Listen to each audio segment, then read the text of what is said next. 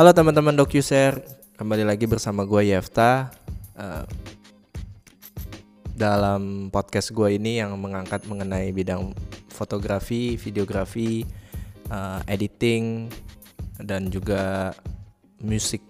Jadi di episode kali ini gue mau mengangkat suatu tema yang seru sih sebenarnya yang selalu menjadi perdebatan antara uh, seorang fotografer, videografer gitu ya. Uh, sengketa, sengketa lah ya, gue membilangnya sengketa uh, merek sebuah kamera gitu ya.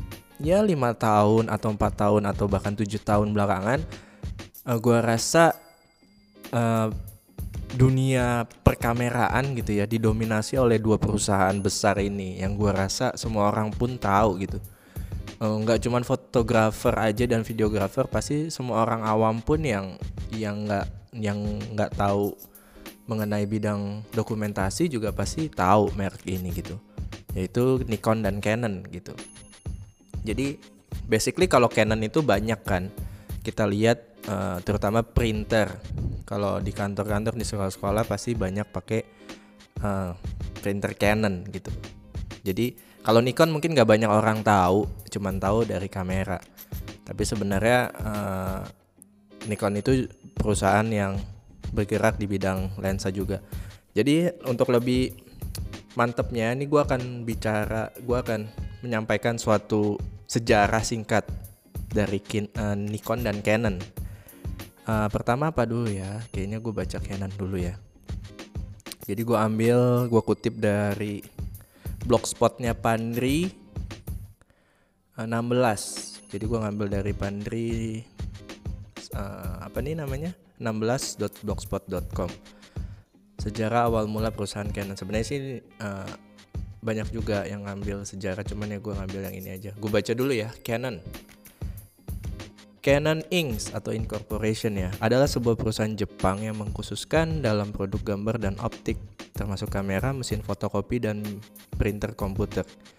Canon Inc. berpusat di Tokyo. Jadi iya, mesin fotokopi kalau kalian lihat ke tukang-tukang fotokopi pasti banyak yang pakai Canon juga. Selain Xerox ya.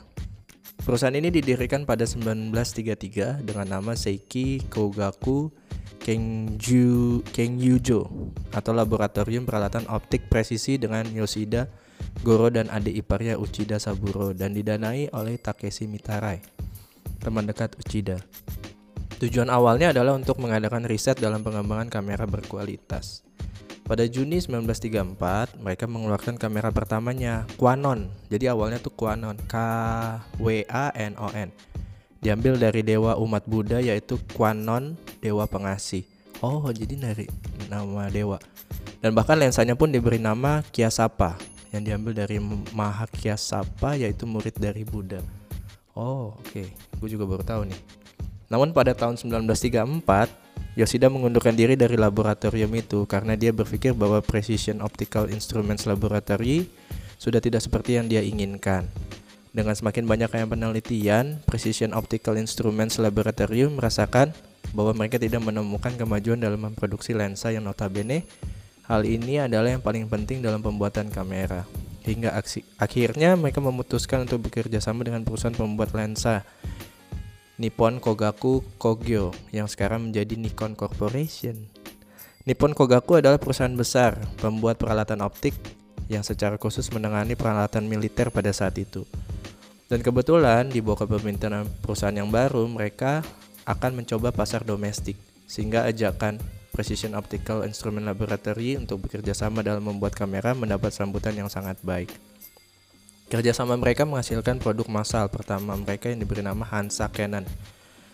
Pada Februari 1936, Hansa Canon dengan dengan lensa Nikkor 50 mm f 3,5 resmi diluncurkan dan dipasarkan ke publik Jepang dengan harga 275 yen dan diumumkan sebagai kamera 35 mm rangefinder buatan Jepang pertama dengan kualitas tinggi. Setelah itu nama Quanon berubah menjadi Canon untuk membantu pemasarannya waktu itu. Precision Optical Instrument Laboratory bekerja sama dengan Omiya Sashin Yohin Co. Ltd, toko kamera dan aksesoris Omiya, dan bahkan pada nama Hansa dan Hansa Canon merupakan merek dagang yang diberikan oleh Omiya sendiri. Oh, jadi Hansa Canon itu oke oke. Seiring perkembangannya, nama perusahaan pemegang merek Canon mengalami beberapa kali perubahan nama. Pada Juni 1936, Precision Optical Instruments Laboratory berubah menjadi Japan Precision Optical Instruments Laboratory. Beda dikit doang ya, cuman di uh, ganti-ganti dan ditambah nama Jep, Jep, Japan. Pada 10 Agustus 1937, Japan Precision Optical Instruments Laboratory merubah bentuk kepemilikan perusahaan tersebut menjadi perusahaan saham gabungan dan merubah nama perusahaan tersebut menjadi Precision Optical Instru Industry Co. Ltd dan tanggal tersebut ditentukan sebagai tanggal lahir Canon Incorporation. Takeshi Mitarai 1901 eh, sampai 1984 yang pada waktu itu sebagai presiden dari Precision Optical Industry Co. Ltd mendengar keluhan dari konsumen yang sulit mengingat nama perusahaan produsen kam kamera Canon mereka sehingga Mitarai memutuskan merubah nama Precision Optical Industry Co. Ltd menjadi Canon kamera uh, Co.ltd pada 15 September 1947. Oke. Jadi tadinya nama itu panjang Precision Optical Industry Co.ltd menjadi Canon Kamera Co.ltd. Hmm, oke. Okay. Perkembangan kamera Canon sangat positif sehingga hingga dikabarkan bahwa kualitas kamera Canon sebanding dengan kamera Leica. Hingga pada tahun 1954, Leica mengeluarkan produknya Leica M3 yang berhasil memukul mundur semua kompetitornya pada saat itu. Canon pun merasa harus mencari jalan lain agar bisa tetap menjadi pemimpin di pasar kamera. Dan pada akhirnya, Canon Kamera Co. Ltd memutuskan untuk berkonsentrasi pada pengembangan kamera single lens reflex SLR karena mereka pikir bahwa dengan pemikiran dan pengembangan mereka, kamera SLR bisa sangat unggul dari kamera rangefinder. Pada Mei 1959, Canon meluncurkan Canon Flex sebagai SLR pertama mereka. September 1968, produksi kamera Canon Luxury 35 rangefinder sudah menjadi tradisi Canon sejak kamera perdana mereka Canon resmi discontinue yang menjadikan tipe 7S sebagai produk 3,5 35 mm rangefinder high-end terakhir dari Canon. Ya, jadi begitu. Saingan utama hmm, dan perkataan itu menjadi pedoman perusahaan sehingga pada 1960 mereka resmi mulai memasuki bidang elektronik seperti mesin fotokopi, peralatan optik khusus dan lain sebagainya sehingga pada 1 Maret 1969 Canon Camera Ltd kembali merubah nama mereka menjadi Con Incorporation sampai sekarang. Saingan utama perusahaan Canon Incorporation adalah perusahaan Nikon, perusahaan Konica Minolta, perusahaan Leica, perusahaan Pentax, Olympus, perusahaan Sony, perusahaan Epson, perusahaan Kodak, perusahaan Hewlett Packard dan perusahaan Xerox. Ya, jadi uh, itu adalah sejarah um, awal mula perusahaan Canon Incorporation. Jadi sebenarnya didirikan pada 1933 cuman baru tercetus nama Canon itu di tahun 1937. Oke, sekarang uh, eh, gue bacain apa nih sejarah singkatnya Nikon. Oke, Nikon Corporation adalah sebuah company, company Jepang mengkhususkan dalam bidang optik dan gambar. Produknya termasuk kamera teropong, mikroskop, dan alat pengukur. Company ini didirikan pada 1917. Wow, 1917 loh. Sebagai Nihon atau Nippon.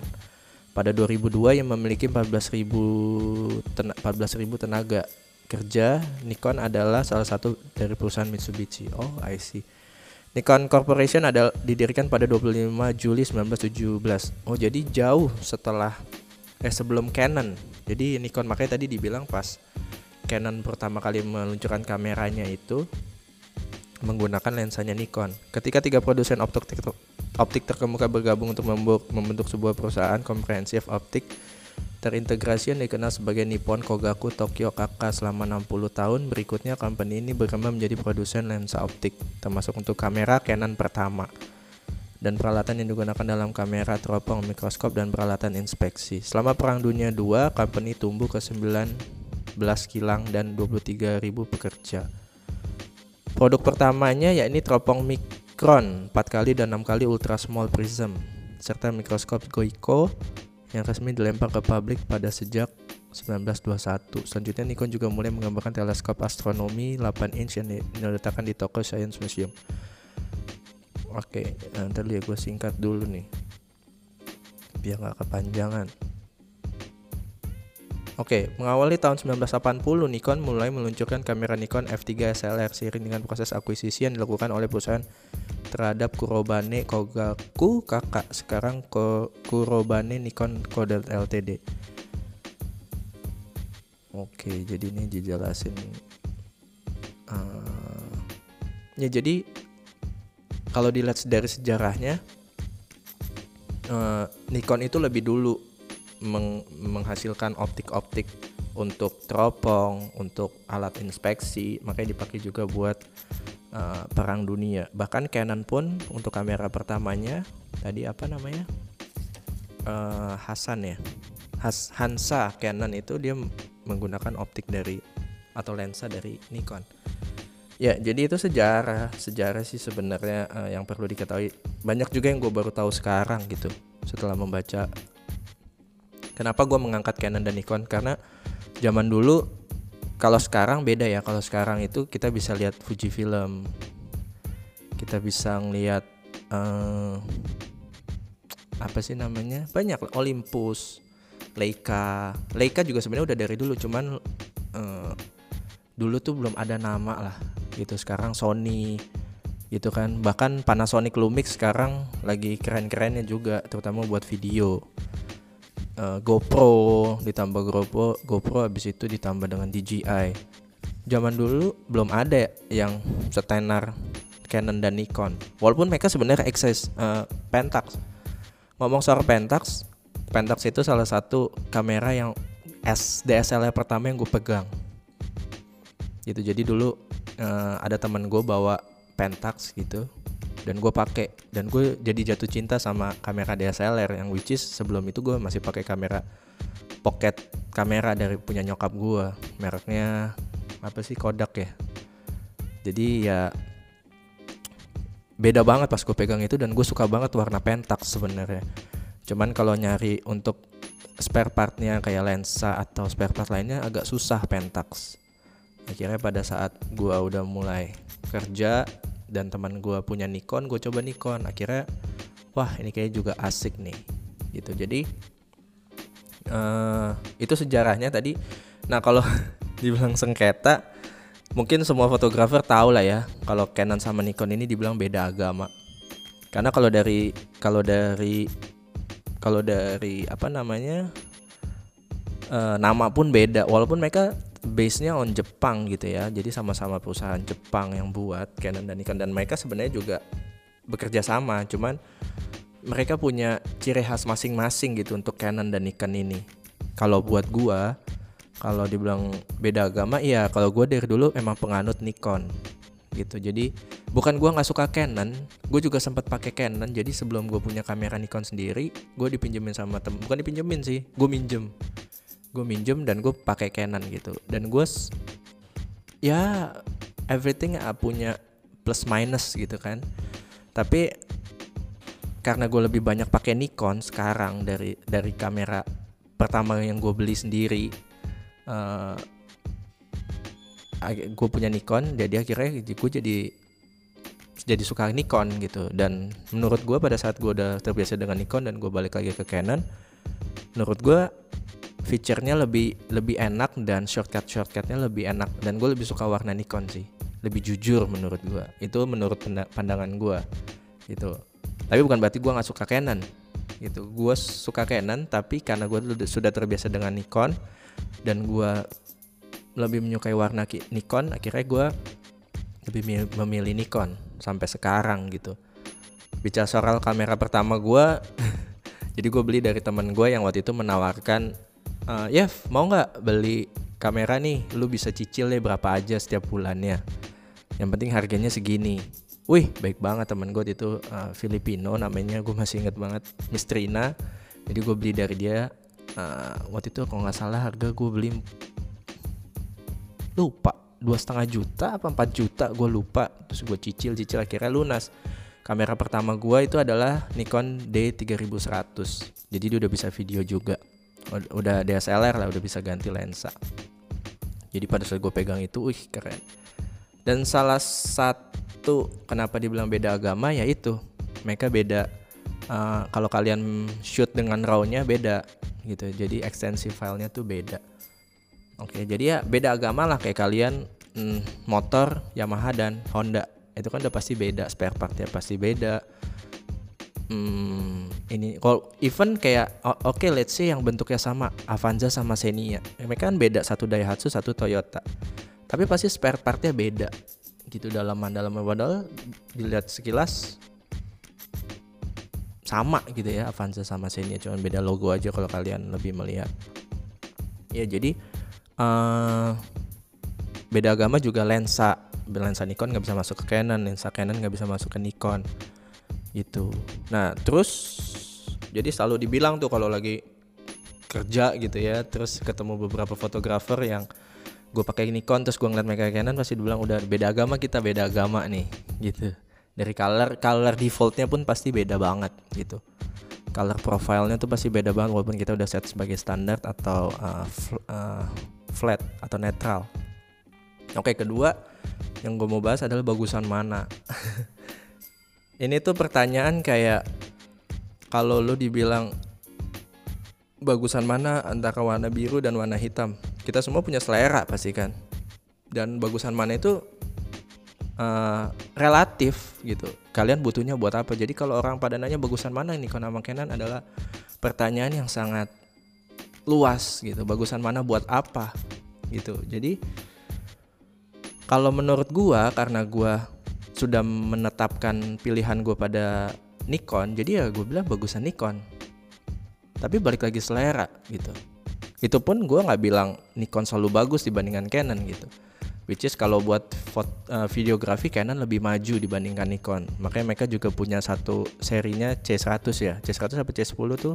Ini Canon C yang buat emang videografinya itu buat cinema da, ada lensa lensa sinemanya sendiri mereka kan nah, kalau Nikon kurang itu tapi which is gue juga lebih suka bergerak di bidang videografi tapi gue tetap pertahankan ke Nikon gitu. Jadi kalau dibilang bagusan mana gue tetap milih Nikon. Itu selera gue jadi buat apa? Kayak orang nanya ya bagusan mana? MacBook atau uh, Asus?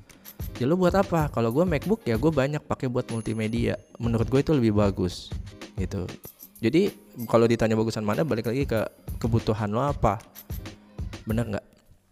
Ya jadi ya itulah pertanyaan uh, standar dan selalu ya yang dibilang bagusan mana. Oke jadi kalau selera kamera gue sih yang penting shortcut ya. Menurut gue Nikon itu gue pernah waktu itu kerja dengan kamera Canon. Mungkin karena gue belum terbiasa gitu jadi gue ribet dengan shortcut shortcut yang ada. Kayak teman gue pakai Canon dia cepet-cepet aja tuh itu kan. Cuman yang gue alami memang kalau Canon itu shortcutnya menurut gue lebih gampang. Menurut gue ya. Jadi gue sih yang penting shortcut karena kan kita kalau gue shot itu selalu pakai manual. Gitu. Jarang banget gue pakai auto kalau nggak buat yang kerja serius. Kalau kerja serius gue lebih pakai manual. Jadi gue butuh cepet yang kayak ngubah ISO ngubah bukaan ngubah apa shutter speed. Itu gue butuh banget yang cepet. Jadi ngubah color profile ngubah semuanya uh, white balance itu gue butuh cepet. Kalau di Nikon gue rasa lebih cepet gitu. Mungkin karena gue belum terbiasa dengan Canon. Itu balik lagi kan ke selera. Dan kedua selera warna gitu. Selera warna standarnya itu gue kenapa ya? Gue lebih suka Nikon aja sih. Jadi warna dan shortcut. Itu aja sih. Sama yang gue suka Nikon. Ini hal sepele sih nggak tahu buat kalian penting apa nggak tapi kalau buat gue tuh ini adalah esensi gitu uh, artnya gitu. Kalau lo lihat di semua kamera Nikon di dek di bawah apa tuh nama shutter button tuh pasti dia ada merah ada ada ada aksen merah di bawah aksen apa shutter buttonnya. Itu menurut gue cantik banget di dengan body dia yang selalu hitam ya sama Canon pun ada yang hitam. Eh tapi enggak Nikon itu ada ngeluarin satu kamera Rebel uh, warnanya merah. Merah marun gitu cuman gue nggak begitu suka. Jadi itu yang gue yang gue bikin suka sama Nikon dibandingkan dengan kamera-kamera yang lain yang menurut gue nggak punya aksen itu gitu. Jadi kalau Nikon itu gue suka dia aksennya ada merah di bawahnya. Itu dia lu lihat deh di semua terutama DSLR-nya ya. DSLR-nya kalau kalau di apa kayak uh, Nikon J, J1 ya kalau nggak salah yang apa edisi kamera pocketnya gitu uh, dia nggak ada tuh. Nggak tahu deh kalau yang Nikon Z7 sama Z6 nih ada nggak? Gue juga belum terlalu perhatiin. Gue soalnya lagi nggak connect ke internet nih. Jadi uh, menurut gue semua DSLR dari dari, dari seri 3000 sampai seri 800 di 850 pun ada gitu. Dan menurut gue cantik banget. Gue suka banget. Sim simple tapi membuat gue menjadi tahu oh, itu Nikon ditambah dengan ya kalian tahu Canon dan Nikon punya logo kan di di dekat flashnya itu di depan. Ya jadi kalau kalian mau tahu gear gua yang selalu gue bawa gear gue sih masih simple banget. Karena ya gue masih mengumpul mengumpulkan pundi. Kamera inceran gue sebenarnya bukan Nikon Z6 atau Z7 sih. Gue masih cinta banget sama DSLR gitu. Gue belum bisa masuk ke mirrorless. Tapi kalau punya rezeki lebih gue pengen banget coba mirrorless. Which is lebih simple kan lebih kecil dan katanya sih lebih bagus dalam bidang sensor. Jadi uh, yang kamera impian gue tetap masih D850 sih. Ajib. Atau minimal D800 lah ya. Jadi kamera gue yang selalu gue bawa pak bawa bawa buat kerja itu uh, gue pakai Nikon D7100 karena dulu teman gue yang pernah ngas jual kamera D3100 itu punya D7000 gitu. Dan ternyata gue suka banget gitu. Dan ternyata pas keluar 2000 d 7100 gue beli. Waktu itu gue beli bodinya aja tuh sekitar 11 juta. Jadi waktu itu gue lensa masih lensa biasa 1855 mm habis itu gue nabung-nabung beli 50 nya beli gue waktu itu punya Tamron juga yang 70300 habis itu gue gue jual karena rusak. Habis itu gue beli yang 55300 nya Nikkor Nah, jadi uh, gear pertama gue itu D3100, abis itu gue beli D7100. Jadi gear gue sih itu sih, gear gear utama ya kalau gue buat pakai buat kerja. Which is sebenarnya dua-duanya sih belum full frame ya, mereka masih masih APS-C gitu. Nah makanya kamera impian gue berikutnya adalah D850 which is sudah FX, udah full frame kamera sensor.